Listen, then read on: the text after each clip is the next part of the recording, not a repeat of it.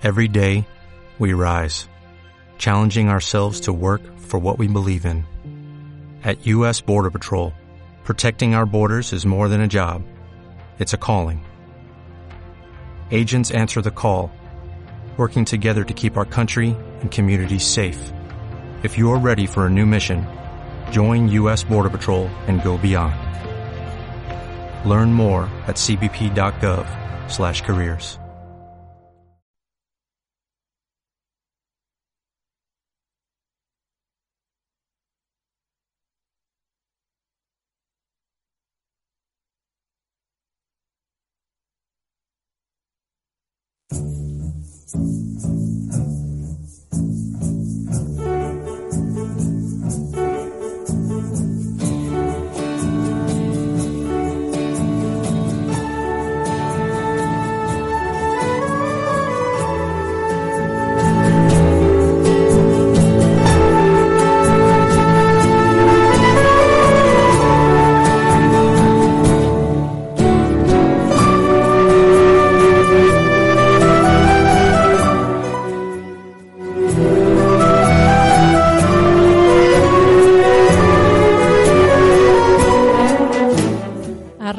Cebrià comença La vida en colors, un programa on compartim les nostres experiències i ens enriquim amb les dels altres. Els dijous de 8 a 9 del vespre amb Matilde Romagosa i avui ens acompanya a la part tècnica Santiago López.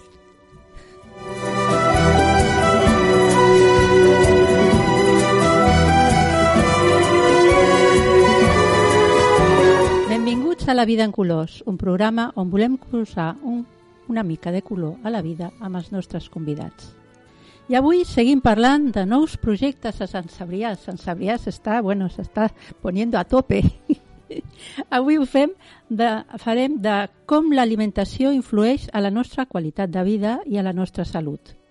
Ja Hipòcrates, i, ui, Hipòcrates deia que el menjar sigui el teu aliment i el teu aliment la teva medicina. Comencem ara un viatge per la vida i els seus colors.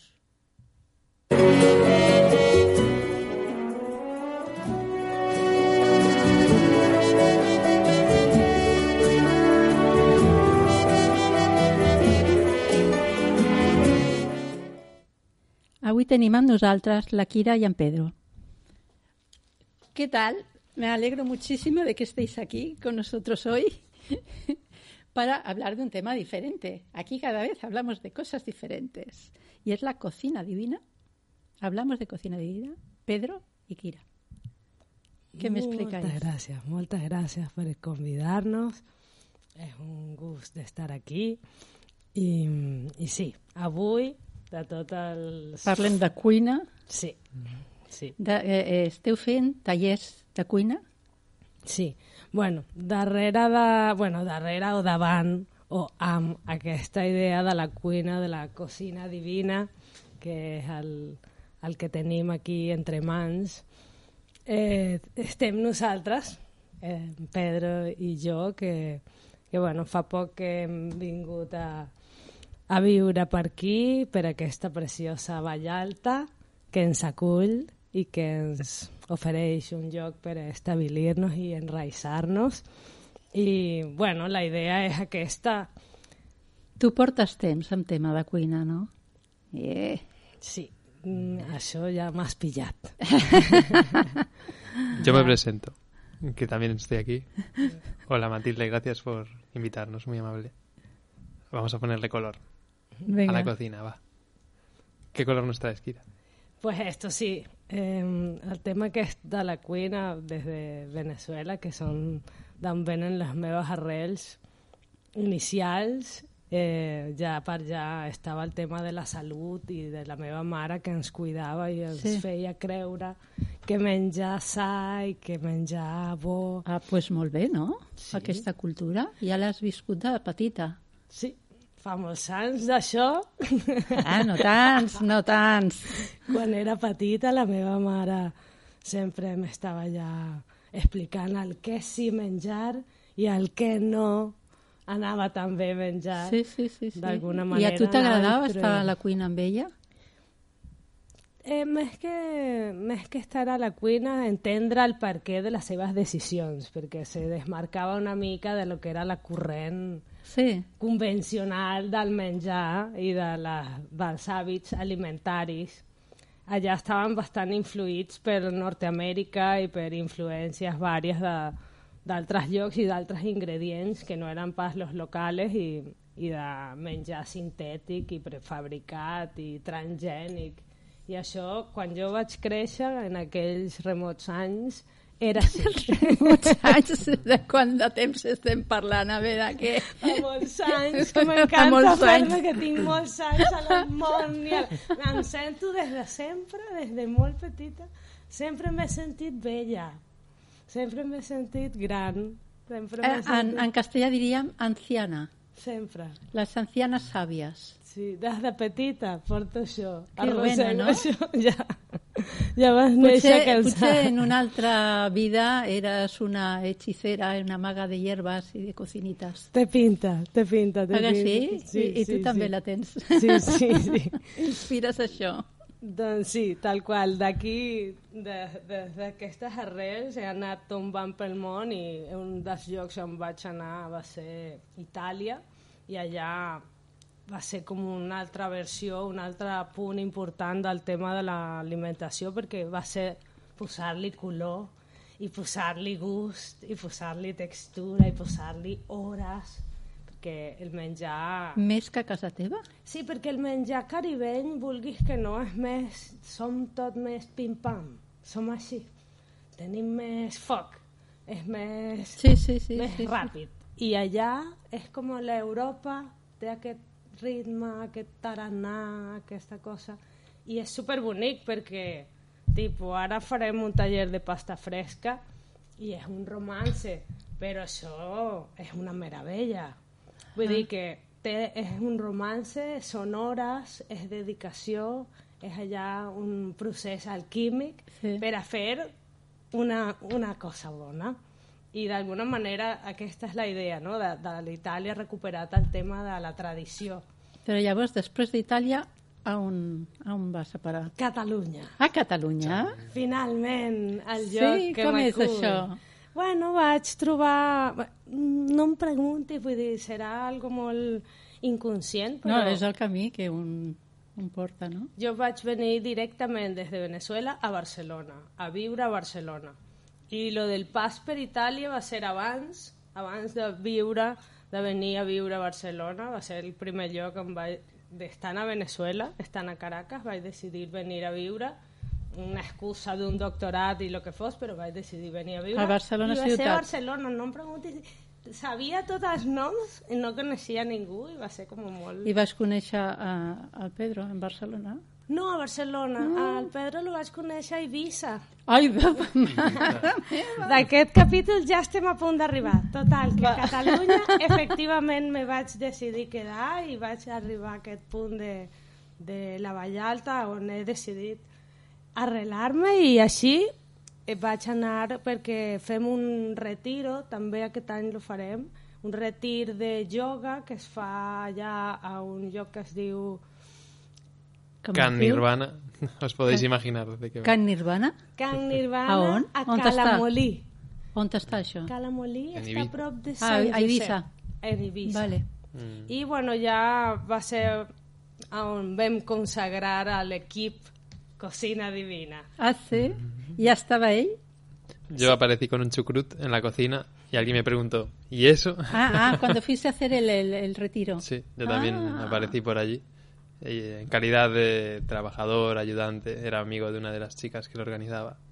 Y en la cocina me interceptó Kira con su... No, yo ya estaba ahí encargada de hacer las maravillas para todos esos días de, de retiro, en el que la gente iba a estar ahí en su proceso de iluminación. Y entonces la cocina formaba parte de Ah. ese cuidar a las personas y de ese alimentarlos también comiendo cosas muy ricas, muy sabrosas, muy satisfactorias para hacer el camino amable Ajá, eres una nutridora. Tal cual. Y de hecho, entonces, de lo que va es de que juntamos los saberes culinarios y medicinales Y entonces lo convertimos en productos que lo llevamos directamente al plato. Sí, porque al- el primer programa de esta temporada tuvimos a Pedro aquí en la radio y nos explicó su experiencia pasando por la medicina y llegando aquí a San Paul. Y no sabía lo que iba a hacer. en- Tenía algo en mente, pero que no nos quiso explicar. Chan, chan. Y mira por dónde ha salido. Me he formulado con la cocina. Sí, ¿no? Hago la ¿Ya parte tienes de- el camino marcado? Es uno de los pilares en los que me estoy sustentando. En la cocina acompaño a Kira con la parte medicinal de la de lo que damos en los alimentos y de el Las apoyo recetas. en las recetas, el apoyo de pinche y también la música. Cada, porque en cada taller o en cada catering hacemos algo diferente. Tenemos una propuesta que va un poco más allá de la cocina. Es un viaje. Sí. hacemos, ritualizamos la experiencia de cocinar. O sea, es- se trata de transmitir que el cocinar puede ser una experiencia lúdica, amable, generosa, divertida, generar aquest espai de, de voler entrar a la cuina. A més, és que eh, hi ha molta diferència si tu cuines perquè necessites cuinar i necessites menjar a cuinar amb amor. Oi que sí? Sí, i ens recolzem en diverses eh, pilars, com pot ser la música. El, el, per exemple, Sí. aquests propers tallers els farem amb el Pedro fent en, tocant el handpan Sí. i la idea és que siguin això, eh, que ens emportin a espais en els que ens generem per nosaltres mateixos condicions per a fer-nos a nosaltres mateixos totes les cures, tots els rituals. Per, per dir-lo d'alguna manera, la cuina podria ser un lloc ritual en el que intencionem el que volem, eh, aquesta idea de, de la salut preventiva d'Hipòcrates i també en, en el fet de nosaltres ja intencionar més amb les nostres mans, no parlem ja del fet de que podríem fer los, els nostres aliments i tenir, collir, anar a collir cada dia part del que mengem sigui de lo que hem estat nosaltres. Sí, treballant al terra. Porque hay un tema interesante que no sé si... Ojalá lo conozcáis y si no os lo cuento yo ahora, que es el de Masaru Emoto y el agua. Yo cuando estaba Sí. dejando la medicina y me puse a estudiar, vale, ¿qué hay un poco más allá? Vi lo que había hecho Masaru Emoto eh, enviándole al agua una información y que luego esa información llegase a una persona o a cualquier otra materia y cambiase el estado de esa materia, con lo que la, la información del agua le decía. Entonces, siendo el alimento agua, también, también se puede invocar con la palabra una información a ese alimento para que ejerza una función en el cuerpo. Programarlo, Programar. imprimirlo en el agua. ¿De qué tipo sería, por ejemplo? ¿De qué tipo? Sí. La palabra que genera, Sí, claro. sí. Bueno, un más- ejemplo. Sí. Vale. que este chico acabó determinando que habían vibraciones y sonidos y las palabras gracias y amor, Amor. estas dos eran las que realmente elevaban más la frecuencia vibratoria. Después estaba el tema de la geometría sagrada, o sea, las formas geométricas que ya están en la, en la huella de muchísimas formas de la naturaleza, en las que se queda allí impregnada esa información que sube la frecuencia vibratoria y alinea. Que le cantamos al pepino, vaya. el, el miudiño. el- Pero sí, y la idea es esa, que incorporamos esta, este poder que tenemos, cada una dins de la seva cuina, intencionant els seus aliments i elaborant-los des de, des d'aquesta idea de em curo, em dono vitalitat i, i força des d'aquesta realització i, i, bueno, i creiem en aquest poder que ten, ten, té la relació amb l'aliment. Sí, és sí, recuperar la relació amb l'aliment. Òbviament, amb els aliments de proximitat, de temporada, podem anar afinant, però sobretot aquesta idea de, de com ens apropem a la cuina, com seiem i com prenem i com, com generem aquesta ritualització, com esta, aquesta divinitat del moment i de la relació del, del, amb l'aliment. És un... Sí, cuinar amb consciència i menjar-t'ho igualment amb consciència, diguem, no? I agraint-lo i donant-li aquest, aquest punt de, de, ben, de, de beneir-lo. Que vindria a ser el, que és la religió catòlica, que beneixen els aliments abans de menjar i també els hi donen les gràcies, o sigui que por ahí, por ahí, no? Sí, és que rescatem És- és- els saberes i a la, les tradicions que, que tinguin el sentit comú Sí. i que ens donin, que ens funcionin per a, aconseguir estar millor. Jo crec que es poden, sense fanatitzar-nos, és anar collint de tot aquest saber que... Sí, sí, sí. El taller que teniu ara imminent, quin és? És aquest dissabte. De fet, els propers dos dissabtes, els següents dos dissabtes, el 19 i el 26, pel matí, aquí mateix a Sant Cebrià de Vallalta, A on t'ho feu? fem, preferim que la gent ens, ens, Vale. ens reservi i ja li donem en un lloc molt cèntric, molt bonic, Vale. però Llavors, per saber-ho, eh, ara ja que ens estan escoltant, eh, què han de fer? Si tenen intenció?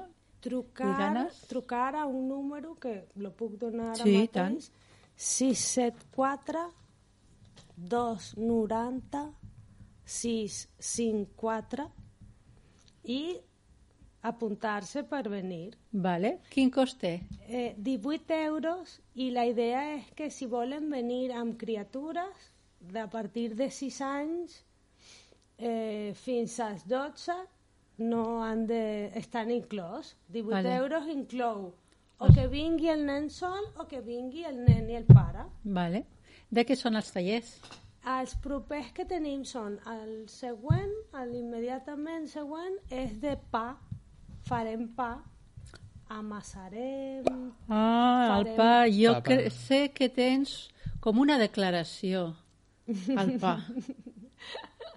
Clar, vaig fer la idea aquesta de que jo normalment ja no menjo pa, però si el menjo és perquè el faig jo i tinc aquesta fórmula màgica que vull compartir. Sí, sisplau.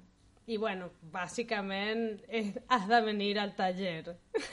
Ah, no val que, la, que ens la diguis ara? Home, el pa és d'aquestes mis coses misterioses, meravelloses, que són un romance. I n'hi ha moltes formes de fer-lo. N'hi ha molts camins per arribar-hi. Per jo fer en el pa. tinc un. Sí. I la idea és compartir aquests principis bàsics per a que després cadascú continuï explorant i apropar el pa, que, que s'ha convertit en una cosa que hem delegat, però que abans era com tothom... De Sí, fet, que es feia a casa els, sempre. Els forns, Sí. existia un forn comú, sí. Que tu podies anar amb el teu pa que te feies a casa i te lo fornejaven. sí. Ara que tothom té forn a casa, doncs... Eh, I inclús tenim màquines ja per fer pa. recuperar això de fer-te tu el pa té un, un, bon, un bon què del El dia que passa, a dia. jo m'he trobat, per exemple, que t'acostumes a un tipus de farina i quan aquesta farina desapareix costa molt de trobar una altra que, que, que surti el pa bé. Llavors és, suposo que és jugar amb les proporcions, no ho sé. Bueno, aquí entres també en un tema que nosaltres portem temps afinant, que és el tema de, dels ingredients. Per sort aquí tenim una producció mateix a Catalunya de, de gent que, que lo vol fer millor i que també té una relació de cura amb la terra i amb l'aliment que produeix i la idea és que és, també, com que tenim diferents formes d'apropar els nostres saberes a la gent. Sí, i- cuenta la... O sea, la que más...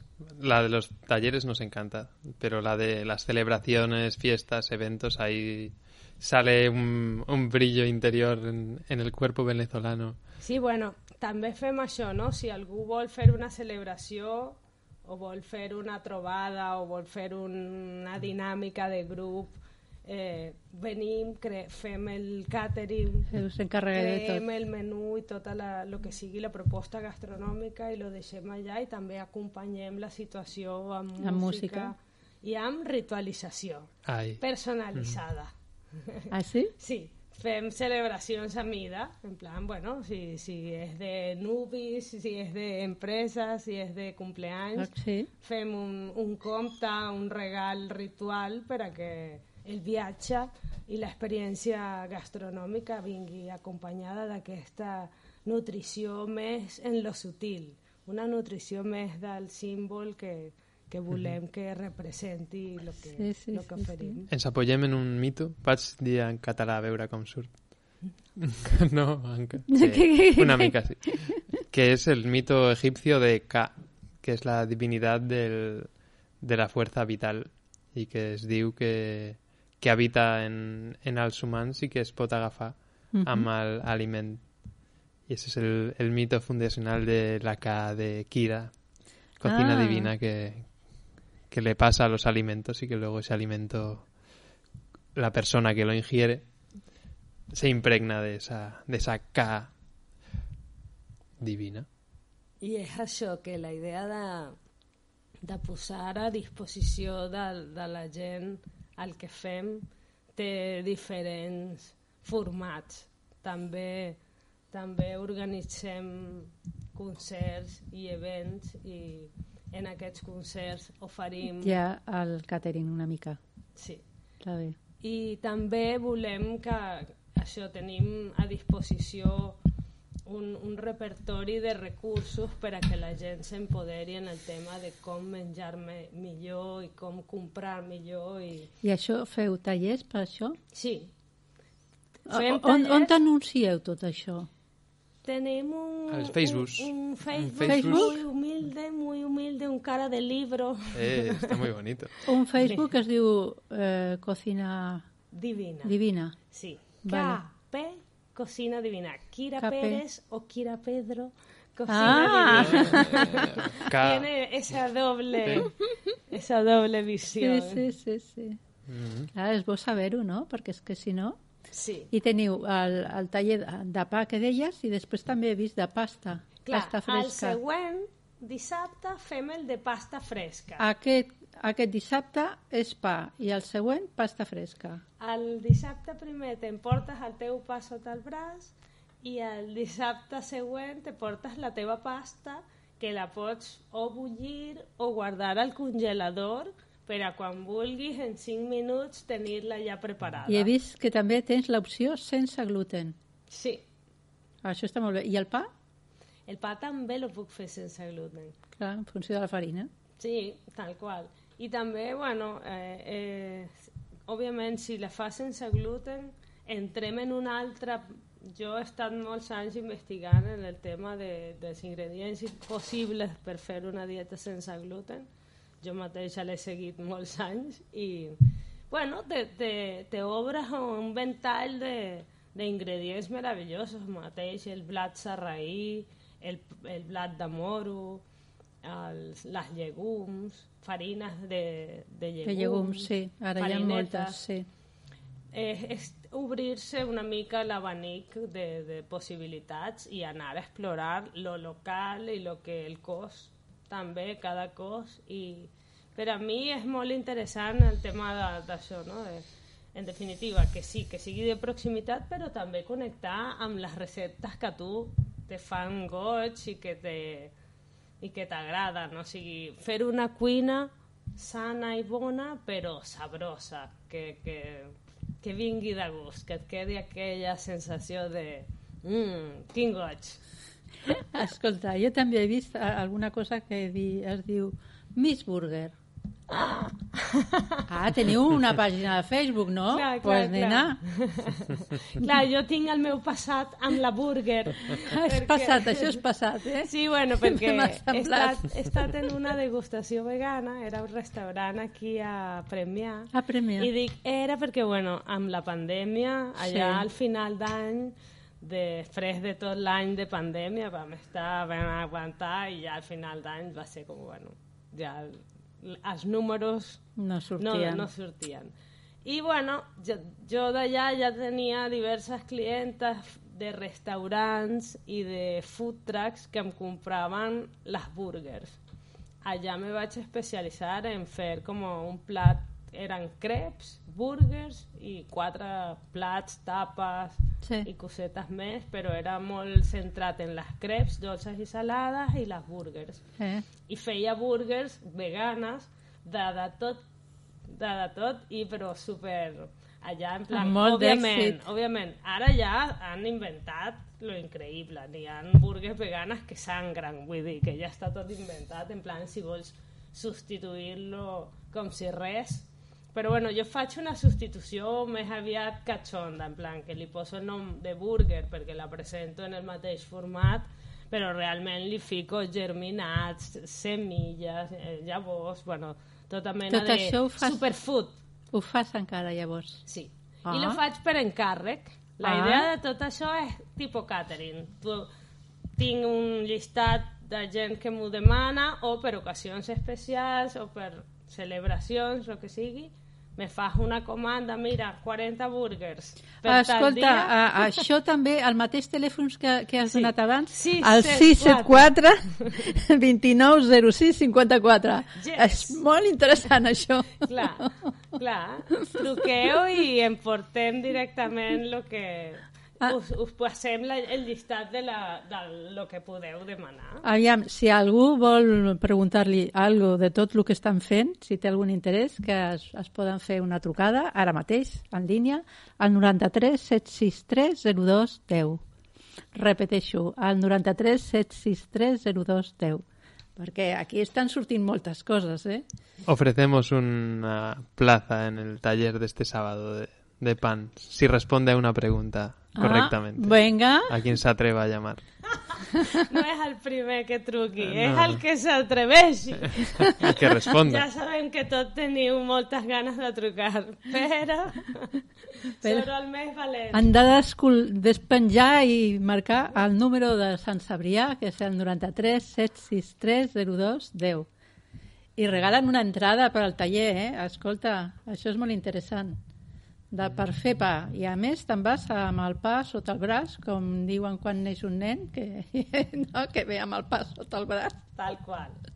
Però ara depèn de tu. Ara t'ho fas tu. Escolta, m'interessa molt el, el tema aquest. Què, què més fas? Perquè tens molts, moltes coses amagades. Sí, bueno, Eh, i, I Pedro, també. s'hi fica a la cuina o no s'hi fica? A veure, S'hi fica i molt. va, Pedro, explica. Mica. Hago un pesto que ¿Un hace temblar los cimientos del, del inframundo. Sí, sí. Yo con Kira he encontrado un, una Otro mina de oro. Otro mundo. Sí. O sea, para mí hay un punto muy importante que es qué uso le damos al alimento. Porque yo he visto gente vegana enfermísima y gente y gordísima y gente súper carnívora que vivían hasta los 102. Y entonces, eh, ¿dónde está el kit? Mm, Esa es la pregunta que Kira y yo El K. vivimos respondiendo. El, el alimento es un instrumento, más es una fuente de energía. De hecho, hay gente que vive alimentándose del sol, que ni siquiera come. Si hubiésemos Sí. nacido en el Tíbet, igual comeríamos un arroz al año y el resto lo cogeríamos mirando todas las mañanas al sol.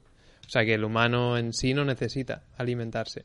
Es una necesidad que nos hemos creído, igual lo de comer cada cuatro Cultural. horas Sí. es totalmente cultural.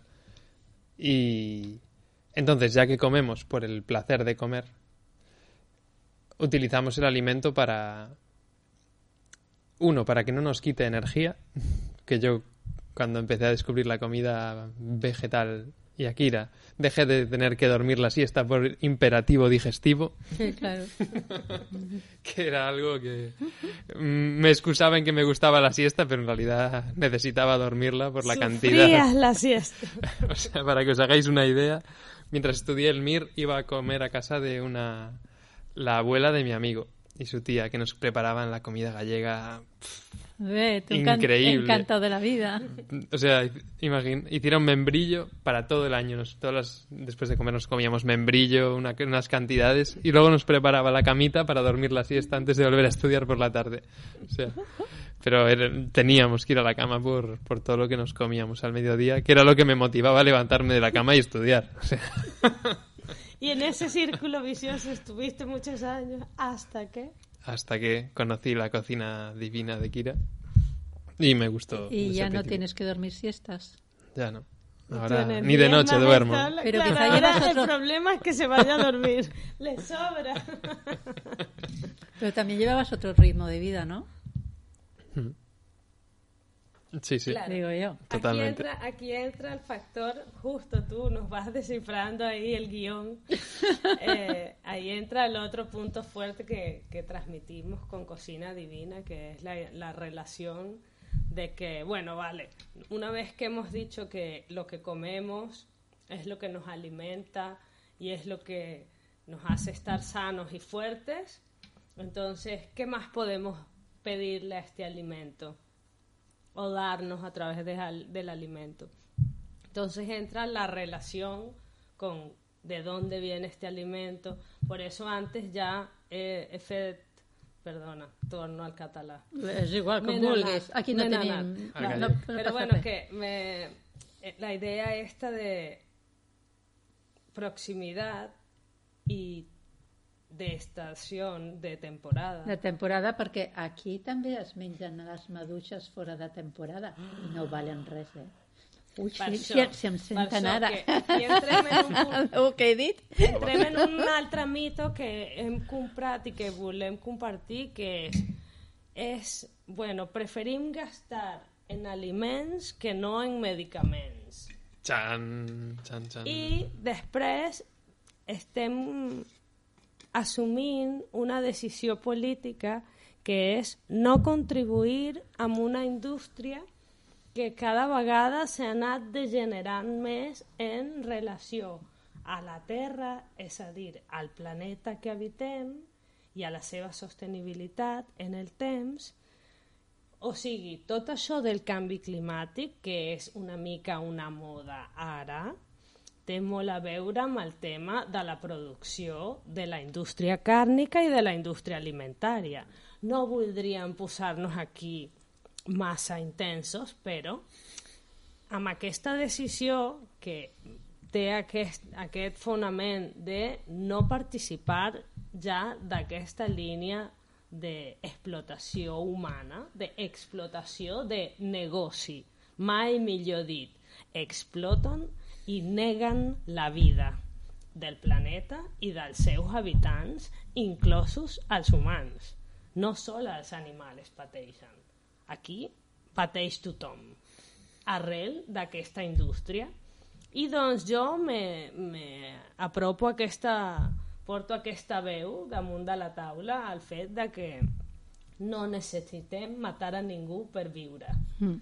Que podem plantar i podem, i més aquí en aquesta zona privilegiada que Eh. tenim, i allà on te pilli tenir les teves quatre macetes i començar a plantar el que menges i relacionar-los més, lo més possible amb això, anar a, a veure com acabem fent horts comunitaris a Sant Cebrià i a la Vallalta i, i reverdeciendo i Jo crec que s'està fent una mica, no? Sí, La setmana passada vam estar parlant... ja ho sí saps. de permacultura, De permacultura, sí. Sí, molt bé, clar que Sí, sí. sí, sí. Genial. Sí, són aquestes, aquestes iniciatives les que hem d'emprentar fer. entre tots i anar Clar. posant aquestes noves llavors. Llavors de, de sobirania i d'autogestió. I sí, i de cura cap a nosaltres i cap a, al, al planeta que ens envolta. Molt bé. M'encanta perquè ets una dona amb colors. Porta aquí, no, no es veu, però porta aquí una mini xuletita amb uns cors verds que dius, que bueno. La dona dels colors. Bueno, va, lo dic. Va. Els cors de colors los ha fet en Pedro. Som l'equip perfecte, masculí i femení integrats. qué en bueno. la cocina divina. Qué bueno, qué bueno. Mientras veía el fútbol ahí... També estàvem veient el futbol mentre fèiem la xuleta. Que bo, que bo, que bo. Escolta, Pedro, Mm. I no ens podries explicar els següents teus pilars? Mm. Jo aprofito, ja que estàs aquí, no sé si toca el tema o no, però m'és igual. Pues, pues sí, me gusta tu pregunta. El Es que me interesa mucho. Guay, pues te lo agradezco, muy amable. El otro pilar es la permacultura. Y crear un lugar donde vivir y hacer permacultura y utilizar algo que, de lo que Kira sabe mucho y que yo estoy aprendiendo, que es la expresión creadora, que es como el juego activa en el ser humano unos potenciales que así en el día a día los tenemos un poco dormidillos. Entonces estamos empezando un movimiento aquí de expresión creadora que también yo ahora voy a empezar con el handpan, el, el instrumento, Del a- instrumento aquel, sí. un día a la semana, los martes, en Cal Arturo, a ofrecer El juego. el juego a través de la música, la percusión y un poco el, el viaje sonoro. Y con Kira hará Ah. la parte del- de los cuentos. Utilizarlo Ah. como parte de los cuentos. cu- cuentos. Es que... Clar, és que això de l'expressió creadora és un pilar que ve de, bueno, de, que amb la meva maternitat eh, m'he hagut de posar a investigar en pedagogies, en neurociència, en criança, en tot el que... les eines que calen per a ser una supermamà i allà ha estat, eh, he descobert una gran cosa que, que m'ha portat aquesta, aquesta expressió creadora Clar, clar. basada en uns neurocientífics, Arno Stern, Rebecca Wild, Mauricio Wild, gent super eh, competent i que ha estat investigant per molts anys i eh, aportant clarament no mètodes, però sí línies molt clares, formulant el com acompanyar espais de joc, com crear espais de joc, com dissenyar en cada ambient, en cada situació, per a totes les edats, perquè no hi ha una època en la que acabem de, de poder jugar i Clar. necessitar jugar i, i servir-nos del joc com a eina d'expressió. I d'això, bueno, aquesta ara ha sortit Sí, sí. de la cassola, ens hem Acaba de desmadrat. sortir, acaba de oh my sortir. god, ens hem desmadrat perquè no anava d'això. Estàvem en la cuina divina, però sí, aquestes són les meves intimitats. La expressió creadora, estem aquí, que vindrà un dels, dels mestres amb els que m'he format, tenen una, un centre d'expressió creadora que es diu Diralla i estan a Bilbao i vindrà a fer una, un monogràfic d'expressió creadora lo farem a Sant Pol ja us, us avisarem per si voleu donar En el Facebook genial és, és una Sí. via que la gent veig que s'ho mira. Que per cert, si no ens has escoltat, la gent, eh, hi ha aquí en sorteig una, una entrada gratis per al taller del dissabte aquí a Sant Cebrià. per Sant aprendre a fer pa, a amassar pa. Truqueu al 93 763 0210. Si os atrevéis, claro. Sí, no Pa te- y handpan. Esos los pilares, y termino Sí, esta parte, por favor. son la cocina divina, la expresión creadora enmarcada en lo que llamamos el león despierto, el, la medicina. He vuelto, Matilde, a, a programarme, pero ¿Cómo? ¿En qué- abriendo. ¿En qué sentido? Ah, me he vuelto a colegiar en Barcelona y ahora estoy en un movimiento de medicina que pretende dar respuesta a la gente que el sistema no está sabiendo responder y, ¿En Barcelona o dónde? Y no aquí aquí aquí en ah, San Paul ostras, qué aquí bueno. en San Paul quiero abrir o sea mi propia mi propia sí mi propia consulta no ahora mismo no físico sino online y, y es un grupo de gente que vive por toda España que nos, nos apoyamos. Y aquí bueno, tengo muchos contactos de gente. Ya y me- estaba ahí con mis dudas de la medicina sí, la Es medicina que- no, el hospital. Y ahora ya he aprendido que la medicina es algo Ay, que va más allá del claro, hospital. Claro. Y he hecho mis paces Claro. con ello y Es lo que comentábamos, la medicina rural de antes. eso Es es. que es una cercanía hacia la persona y eso es lo que necesita la persona, el contacto, que tú le puedas coger la mano, que la mires a los ojos, Sí. inspira una confianza y eso ya es media, el 50%, Sí, sí, sí, es Lo el, hablamos aquel el día. amor humano. El amor humano. Pues me he abierto a ir a domicilios, Ostras, a me ofrecer medicina. Ahora que. Bueno, eso es bonito. Conocí al médico de pueblo de San Paul. Fui a, a visitarle. Ah, Al uno de los médicos de toda la vida que quedaba aquí. A decirle. bueno, a presentarle queda- mis el- el de respetos. toda la vida ya no está, el doctor Tío, "Mm, Pues es el que te comenté. el anterior. Aquel era, vamos, que se hacía, lo comentamos, San Paul, San Sabriá, Sant Iscla. Iba a todas las masías y después tenía visita en su casa. ¿Cómo lo hacía? No lo sé. Las horas eran la- las que eran. Y a veces te explicaba pues que le llamaban por la noche y se pasaba al lado de, la persona toda la noche acompañando. O sea, eso es, Sí, para el paciente es brutal. sí. Porque Pues- ahora la medicina ha cambiado mucho. Bueno, no vamos a entrar en el tema. Claro, el vamos. factor humano, el factor, Factor del- humano es de la principal. conexión es la que es la, la que se echa a faltar, ¿no? Porque la técnica, la ciencia, todos estos avances, esos aportes se agradecen, pero Que a veces sigue- que, que son necesarios, pero Total, se la otra parte es súper es necesaria. la que se echaba de menos y hay que recuperarlo. Por eso saberes de toda la vida que traemos, en definitiva. has dado una alegría, ¿eh? Qué bien. Es como el alimento. La, la estaba esperando. Yo le digo, pues, no sé yo si preguntar. Pues entonces, dé el número de la, consulta Ah, a domicilio. ¿Tienes número ya? Quien llame se lo doy. Ah, A quien Ah. llame se lo doy. No, A mí me lo no me vendo ¿eh? tan barato. Bueno, no, no hay. Sí, sí, a ti te lo doy, Matilde, pero quien quiera saber más de medicina del Ostras, doctor Ojea, que bueno. llame. Y... ¿Qué más?